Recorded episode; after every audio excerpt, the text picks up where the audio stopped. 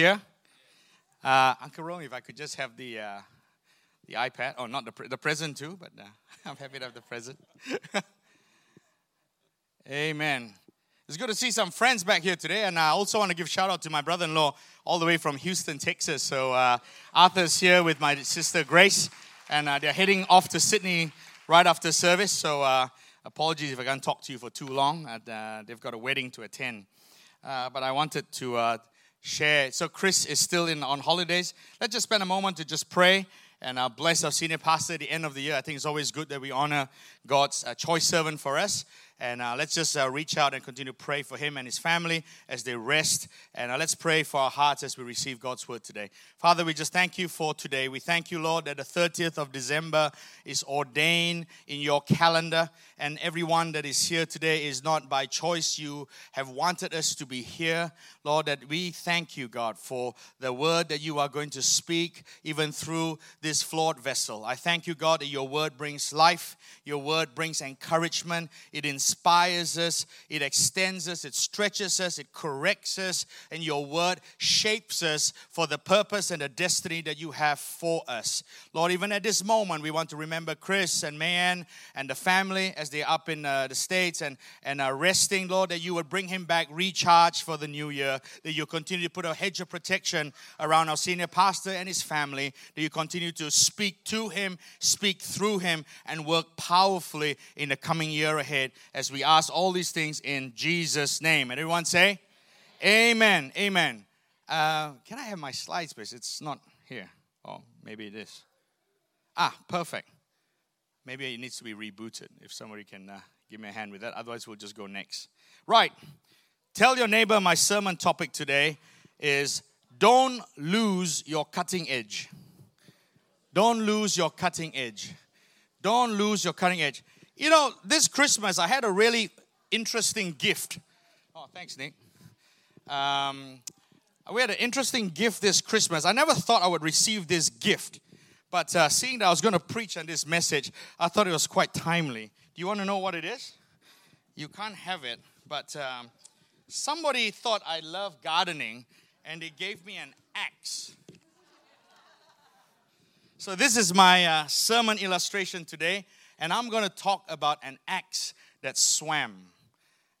All of you know axes don't swim, but I'm going to talk about the axe that swam. Don't worry, it's all locked in and it's safe, I think. But uh, I'm just going to put the axe in here to remind us not to lose our cutting edge. But before I do that, I know some of us have just joined our church uh, this year. And next slide, please. So I just want to quickly talk uh, to you about the vision and mission of our church. Uh, and um, it's always a good time at the end of the year to reflect as we pause and we set up for next year. Here's what the church is about. You know, our, our we are what we call a household of faith. And that's the word that comes once and appears once in the book of Galatians. It says, Do good to the household, especially to the household of faith. So many years ago, uh, uh Chris took us on board uh, this journey of saying, You know, as for me and my house, we will serve the Lord. That's our vision for this church. We are not a church of individuals, although individuals make up this church, but we are a household of church. How many of you know over the last Christmas, New Year, if you look at your house or celebrations that you've had, you have had different kinds of people multi generational, multicultural, people with different beliefs. You might have the odd uncle here and there. You might have the uh, odd Uncle Roger maybe telling weird jokes, right? You might have a lot of differences coming together under or in your household. And that is what the church is about. We image Christ. The church is made up of our families, our individuals, singles, marrieds, and we make up the household of faith. Whatever change we want to see in this church, in the church that you attend regularly every Sunday, has to begin with the change in us, right? We focus, that's why as a church, we focus on the everyday practical uh, life things. Uh, I, you know, someone, I think it was you, Daniel, you said one of the things that attracted you to our church is we kind of don't take ourselves too seriously. We take God very seriously, but we kind of don't take ourselves too seriously because we know at the end of the day we are, we are flawed vessels. We are in need of His amazing grace. Amen? But we have to image Christ. We are welcoming and hospitable because at home we practice hospitality. We are generous in church because at home we are generous. And that's what we aim to be, right? Um, households of faith are diverse. I talked about that.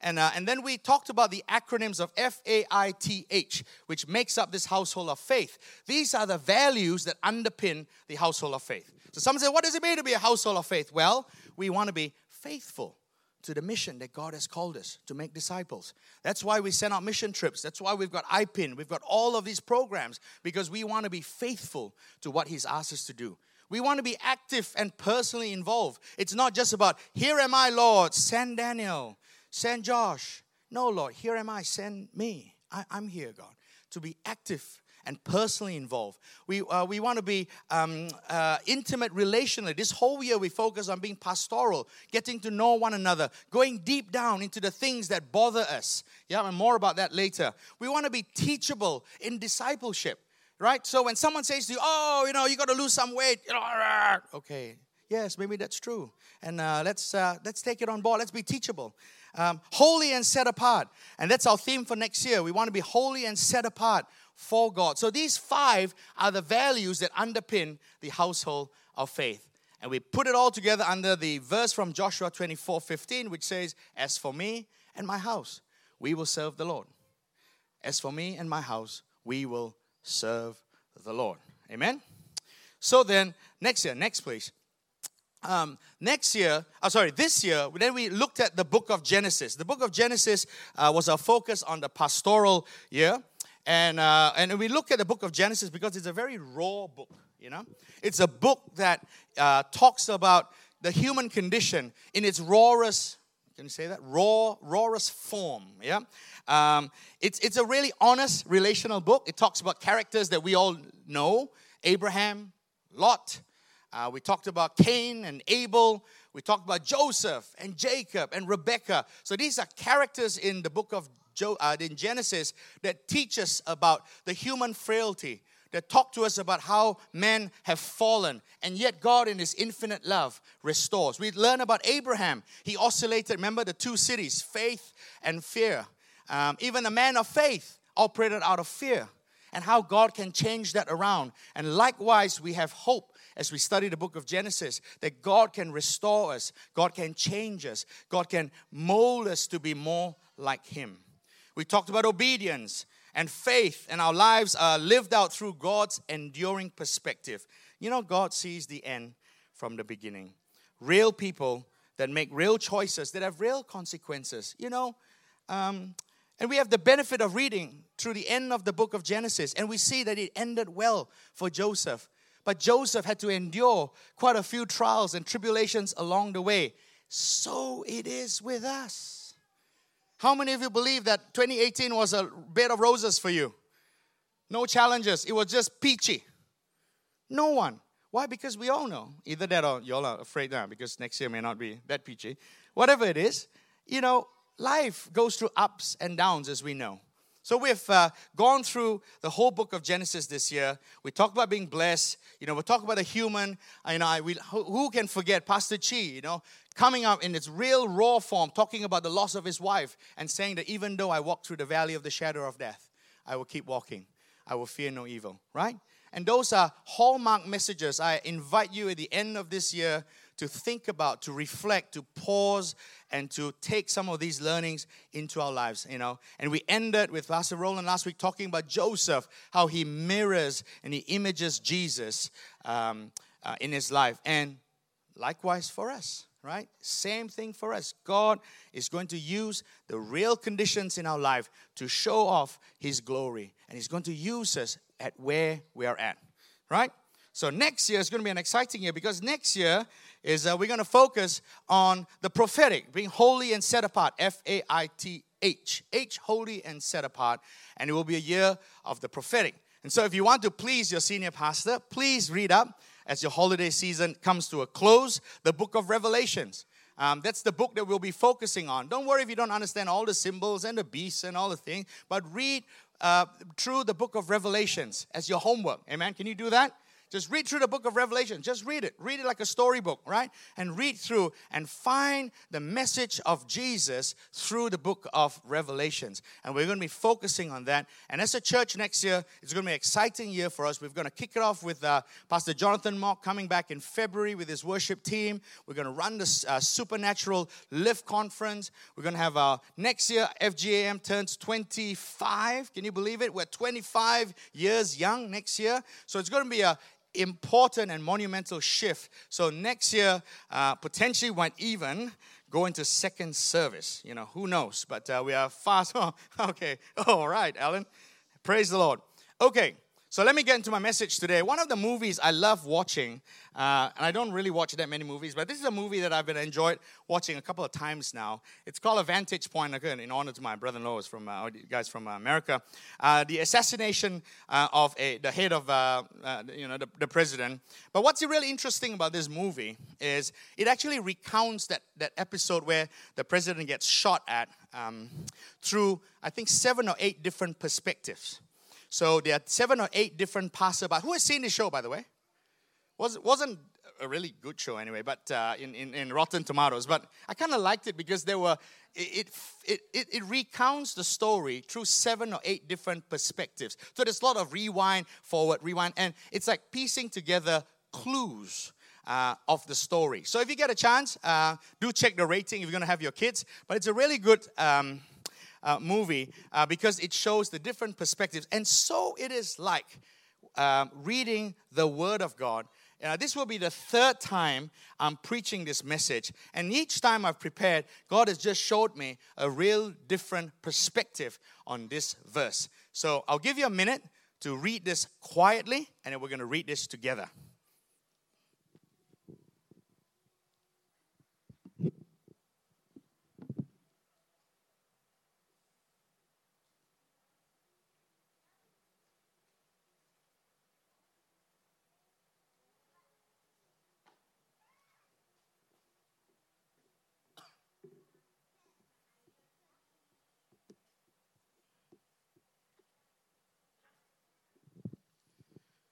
Now the sons of the prophet said to Elisha, See, the place where we dwell under your charge is too small for us.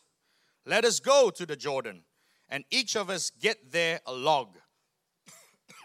and let us make a place for us to dwell there. And he answered, Go.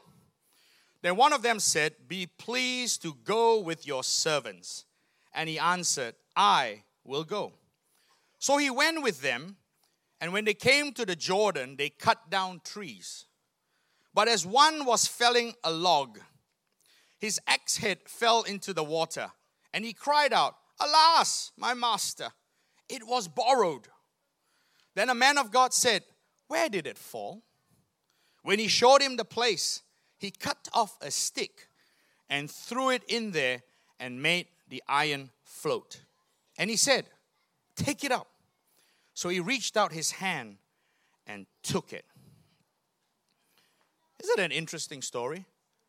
How many of you know axe heads don't float? Right? Engineers in the midst say yes. Gravity pulls it down. But here's a story, a miracle where God intervenes, where the axe head falls and uh, seemingly a stick gets thrown in and the reverse happens because you know what? Sticks are meant to float, axe heads are meant to sink. But the reverse happens. More about that later. Abraham Lincoln is quoted as saying this verse, uh, or this quote Give me six hours to chop down a tree, and I'll spend the first four hours sharpening the axe. That's why I like today's sermon topic.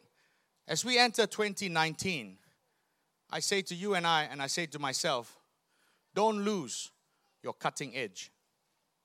Don't lose your cutting edge. Say to your neighbor, don't lose your cutting edge. Don't lose your cutting edge. What is the cutting edge? We all know it's a sharp point. That the sharper your instrument is, the more efficient your stroke is, and potentially the quicker that you're able to accomplish your task whether it be chopping up wood or, or you know, being a lumberjack, whatever it is, From a Christian's perspective, what does it mean to have a cutting edge? For me, I think it is allowing and experiencing the Holy Spirit to work in our lives and seeing His purposes come to pass. It's allowing the Holy Spirit to work in our lives. And we have to experience it in order. And, we, and there will be evidence by fruit, yeah? The fruit of the Holy Spirit love, joy, peace, patience. All of these fruit will show up. Uh, but we have to allow the Holy Spirit to work in our lives. We need to experience it so that what? My purposes come to pass? No. So that God's purposes come to pass. We have to allow God's purposes to come to pass. Romans 14, Paul says it like this For the kingdom of God is not a matter of eating and drinking, but of righteousness and peace and joy in the Holy Spirit. That is the baseline in which we measure the effectiveness of our Christian walk. Are we walking in righteousness? Are we walking in peace? And are we walking in the joy? Don't lose your cutting edge in 2019. Walk in righteousness, walk in peace, walk in joy. The question that you will ask is I get that, but how?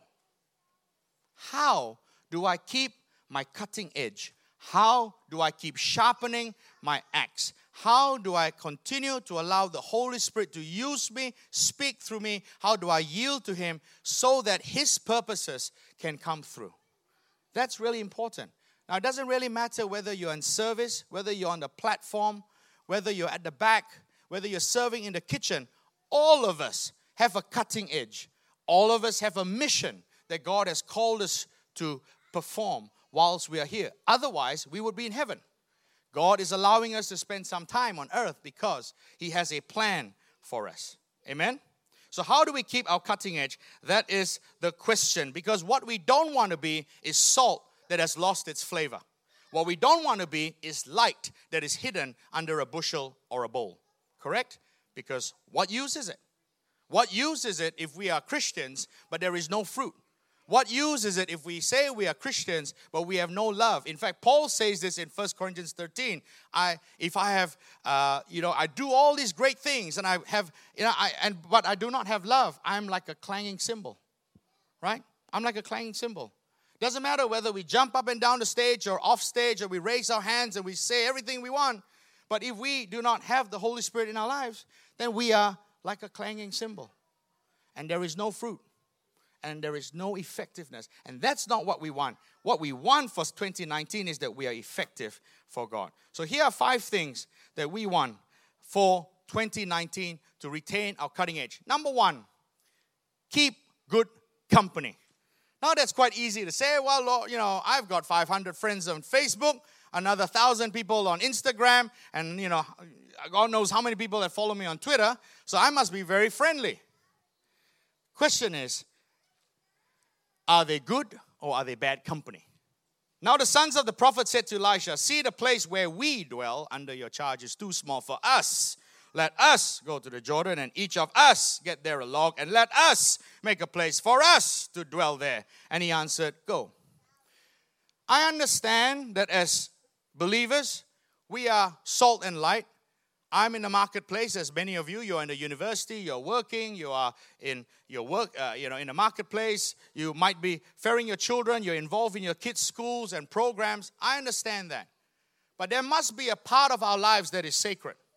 There must be a particular area in our life where we cordon off and that is sacred before God, where we allow few people that we trust to speak into our lives about the things of God. Do you have that? That's what I call good company. This year, may you seek out, may you be that person where, you know, look at this story here the sons of the prophets. So they are obviously walking with God, they know God, and they actually said, they challenged each other. This place, Gabriel, where we have is too small. How many times I talked to you? And I said, Glory Land is too small for one per. You need another one. How many? You have to find people that will encourage you and challenge you and said, hey, come on, you can do better in God, not only your own self. Find good company and keep it. Keep it. Because the converse is costly. In fact, and you see that in Psalms chapter 1 Blessed is the man who walks not in the counsel of the wicked, stand in the seat of uh, sinners, or stand in the way of sinners, or sit in the seat of scoffers. Can you see the progression? It starts off by walking, then standing, and finally sitting. Paul says it this other way in 1 Corinthians 15. He says, Do not be deceived. Bad company corrupts good character. Find good company, be good company, and keep it. Amen? That's important. That's why, as a church, we value community. Next year, one of the things we're going to experiment with next year is what we call the. Um, we haven't decided on a day yet, have we, Quentin? I think it's Wednesday. Is that right, Nick? Wednesday, we're going to create. Um, uh, it might be Wednesday or Thursday. We haven't quite decided yet. But it'll be one day uh, in the, the week where we're going to provide food uh, at I think it was like five, six dollars or whatever. And you know, for a family, you can just come after work. Don't have to cook. Mom and dad, mom and dad have a day off. Uh, just bring the children and come and have community here. The kids can play around. They can do their kumon in a quiet place. The kids, the teenagers can hang out with their friends. Parents, mom and dad can attend Christian education. But this will be a place where community, because now we can do it because this is our place. We couldn't uh, early on when we were at our school, but now we can. So I encourage you, one day a week, we're going to try that during the school holidays, and we're going to try to make this a third place to foster this good company. Yeah? So hope to see you there. But be, but keep good company is what I want to encourage us. Um, you know, Lot actually believed that Sodom and Gomorrah that he chose was actually a good spot. Lot sincerely believed that it was the right place. But ultimately, as we know from the book of Genesis, it turned out to his, um, uh, for his whole family uh, that it wasn't so good after all. So please, please, please, my, my plea to you in the coming year is keep good company. Find four, five people that can, you can really do life with, that you can really share and open up your heart. And you can say, hey, together, let's go cut some trees. Amen? Number two, don't let good get in the way of God for 2019. I underline the word Jordan because every time you see the word Jordan or River Jordan, mark it in your diary or mark it in your Bible because Jordan signifies a transition. Um, remember Joshua and the children of Israel crossed over the Jordan into the promised land? Remember Elijah passing on the mantle to Elisha, crossing the Jordan? Remember Jesus getting baptized in the river Jordan and then stepping into the wilderness. Every time there is a Jordan River, it signifies a change in state. There is a change in the state, that we go from one state to the other. In this case, with the sons of the prophets, I've underlined or circled the words, there is a state between here and there. Everybody say here and there. Whenever there is a change of state, watch out as you enter 2019, as you live out 2019, don't let good get in the way of God. What do I mean by that? You see, it's very easy to default to our existing skills. Every day, our human body makes hundreds, if not thousands, of decisions. Some of that is unconsciously. You never tell your heart to beat, it just does. As you drive, sometimes you're driving after work, you don't know, oh, I'm already home. You didn't think about it, you just happen to be there, right? I mean, five years from now, maybe the cars will drive itself, but you know, you know what I mean? You're making decisions, you're driving, but you're unconscious. Every day we make decisions. In fact, sometimes we are so good at making decisions, we don't need God. And Christians, we justify by saying, God has given me a brain. True. And I don't have to ask God for everything. Probably true. But can I encourage you, as you are making of facing a decision that requires a change in state. When you are moving from here to there, examples could be career change, starting a family, one going back to work and one staying at home, children picking courses for your university. it be it would be good that we ask God, God, would you be pleased? Would you be pleased to come along? Because out of the many that decided to go and do a good thing, cut down the tree because the place they were staying was too small, that's a good thing, right? They look and say, yeah, the place is too small. ah. Yeah? We need to bit stretch out, right? Like we need bigger search, uh, shirt sizes. It's a good thing. It's quite natural. But only one person said, God, uh, would you come along with us? Only one person. These are all Christians, by the way, prophets. So, message for us Christians is let's not get so professional that we forget to ask God in 2019. Good? Only one asked God. Be that one. Yeah? And by the one, that one saw his float. The other one just cut trees. I want to be that one. Number three. This is more of a mindset that I've encountered both in my life and in the lives of people here in this church. To live from a mindset of my cup overflows, I have enough to share. It is very easy for us to come and say, well, it's very easy for so and so to serve because look, he's got all these things lined up for him or her. You know, they've got a good job, they've got career. Of course, they can give to the church. Of course, they can have a good life. But look about me. I'm struggling. I'm trying to make ends meet. What happens is it paralyzes us and it creates in us a victim mentality. And it creates in us that God, I should be entitled. You see, this man, that saw his did not say, I don't have an axe. So you guys go and chop down the tree. I'll just guard our house, how, our house in case the bears come. You guys go chokang. I'll stay here. You go chop, chop, chop. I might, I'll rest. Did he say that? I think he was resourceful. Yes, he may not have the axe, but he borrowed it. He looked for it. He said, Don't go without me. Don't go without me. Don't go. I want to be part of that. I want to be part of the enlargement. I want to be part of the promise. I want to be part of the activity that we are doing. I want to be part of it. Okay, I may not be able to sing. I may not be able to cook, but you know what? I just want to be in the company. I just want to be. in. I just want to be. And that is a good mindset.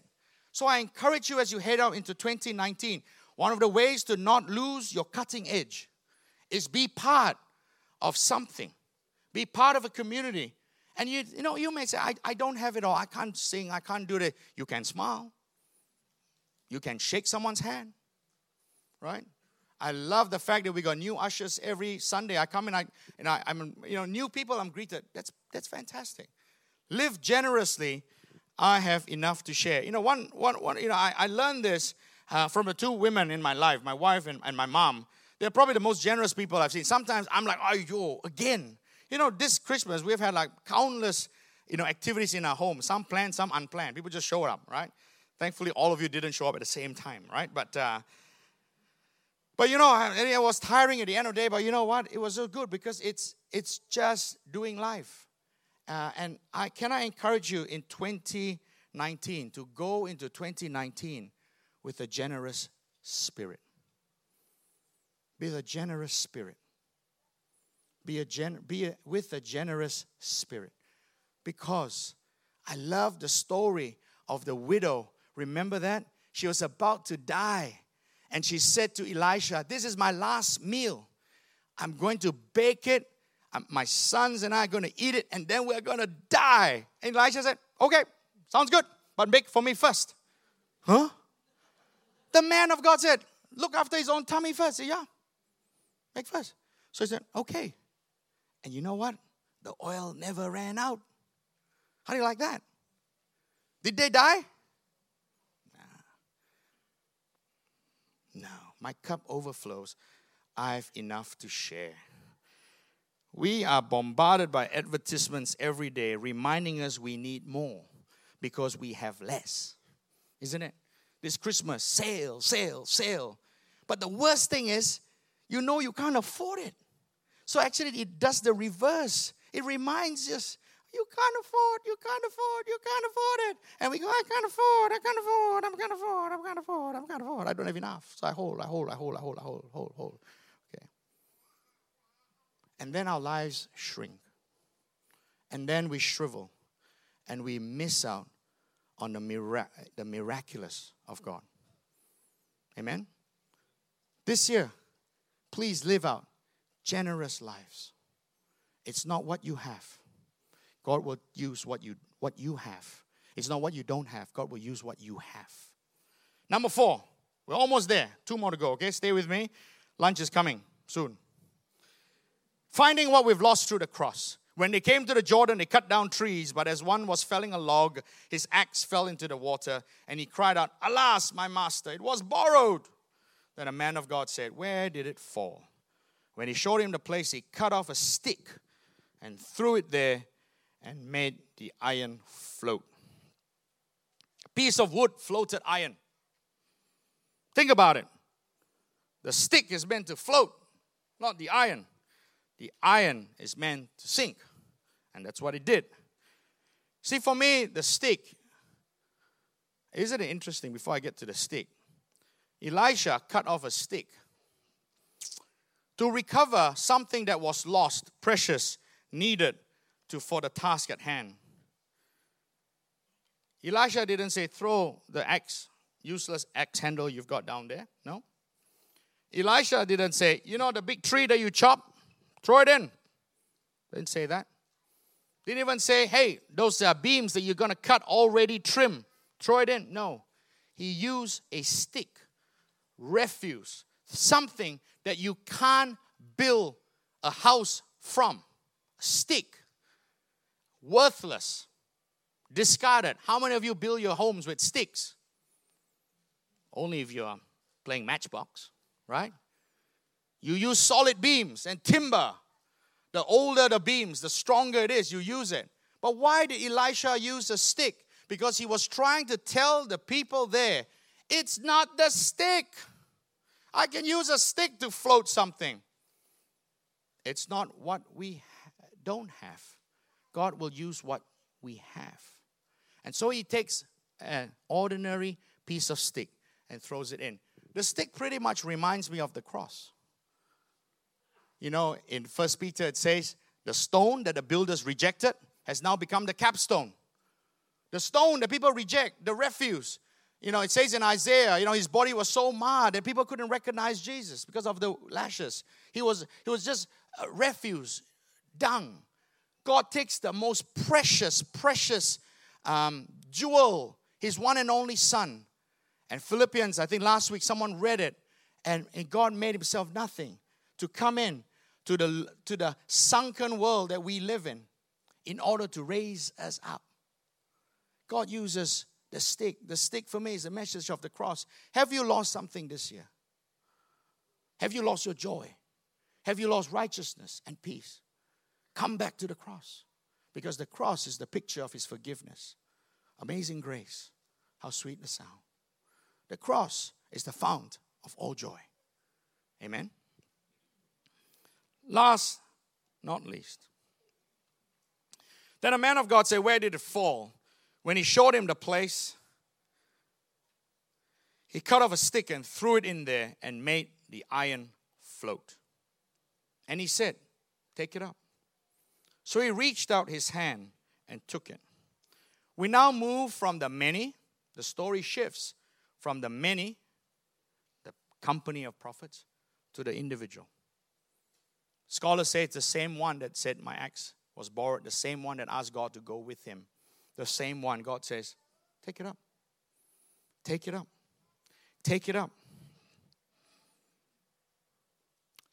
I tell you, generations from that moment, when they were passing the Jordan River or when they were looking at the house that was now built, many of them will have the story yeah, you know, it was too small, and uh, we went down the Jordan and we cut down some trees, and uh, oh, this bloke, you know, he lost his axe, and uh, you know, it was a miracle.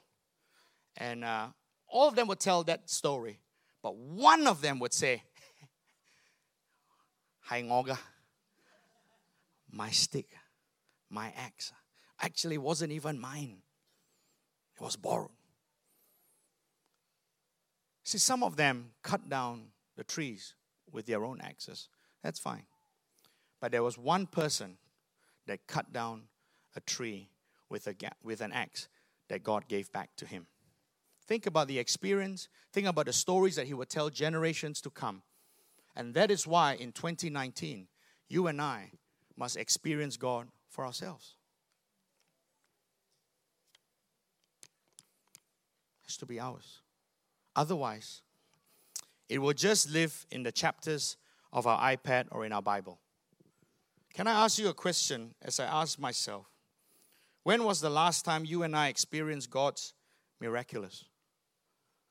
His forgiveness, His amazing grace. We may still have to walk through the valley of the shadow of death, but have you got a good grip on His rod and His staff? Do they comfort you? Do they remind you of His faithfulness? Don't enter 2019, please, without doing business with God and getting ourselves right with God and say, God, maybe this year I've wandered away. I'll just invite our worship team to come and help me close the message. You know, I like this, uh, what John says in uh, John 3.26, and he describes John the Baptist and he describes Jesus. They came to John and said to him, Rabbi, he who was with you across the Jordan, he's talking about Jesus, to whom you bore witness, you preached to this man Jesus, John. Look, he's baptizing and all are going to him. John answered, A person cannot receive even one thing unless it is given him from heaven. You yourselves bear me witness that I said, I am not the Christ, but I have been sent before him. The one who is the bride is the bridegroom. The friend of the bridegroom, who stands and hears him, rejoices greatly at the bridegroom's voice. Therefore, this joy, remember, righteousness, peace, joy. This joy of mine is now complete. He must increase, I must decrease. He must increase, I must decrease. There can only be room for one master on your throne. There can only be room for one God in my heart. I can't have two, three, or four. Either God is God or He's not. And this year and next year, we will be tested. God will challenge us, God will stretch us. We will experience the highs of highs, and for some of us, the lows of lows. That's just the life we live. That's just the life we live. But one thing's for sure if I'm going to chop down some trees, I've got to hold on tight to my axe. I've got to know that He's with me. And I've got to know that this is no ordinary axe. This has been axe that God has set apart, fashioned for me, and I need to experience it. So, as I close this message for the year, I'm really honored. You know, every year we have a tradition. I'm actually walking in big shoes. Every last Sunday of the year's message over the years has been preached by my father in law, Uncle Alan. And I stand on this platform because many leaders have gone, including him and Uncle Roland, have gone before us and we step on that threshold and that platform, and I do want to honor them, you know, Dad. And um, but with all my heart, I tell you, next year is going to be a interesting. It's going to be a great year. But before we cross into next year, let me ask you: Have you lost something this year? Because if you have, I'm going to believe the power of the cross to restore it now and cancel what you've lost. Because I believe when God speaks, He can take an ordinary stick, He can take a word of a flawed vessel, and He can cause an axe head to float. Do you want that this morning? I see some of you smiling. I'm, I'm ready. I don't know what 2019 will bring, but oh boy, I'm ready. You ready, Stephanie? You ready, Simon? How about the uh, Lamb family? You ready? Let's go cut some trees next year. Let's go cut some trees next year. Let's go cut some trees. Why don't you stand on your feet?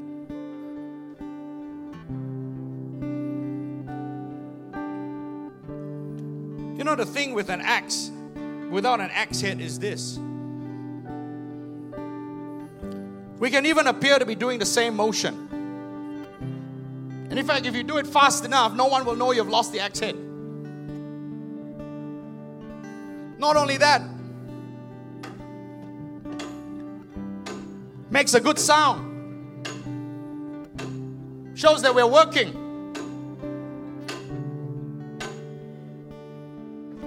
It's a blunt tool.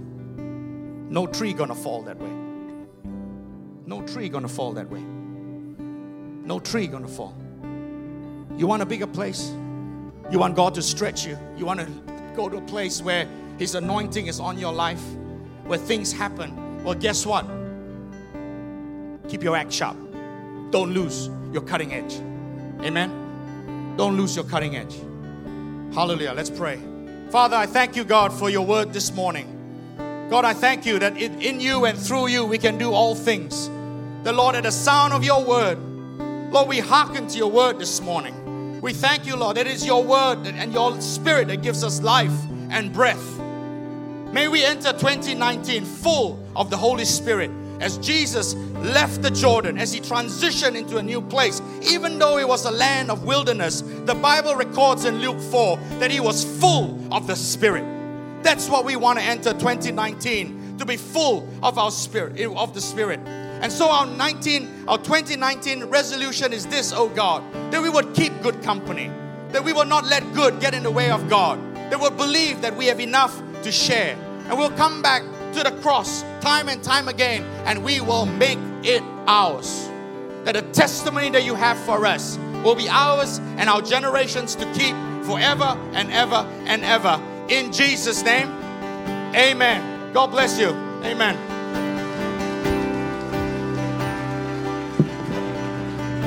Sing a song and then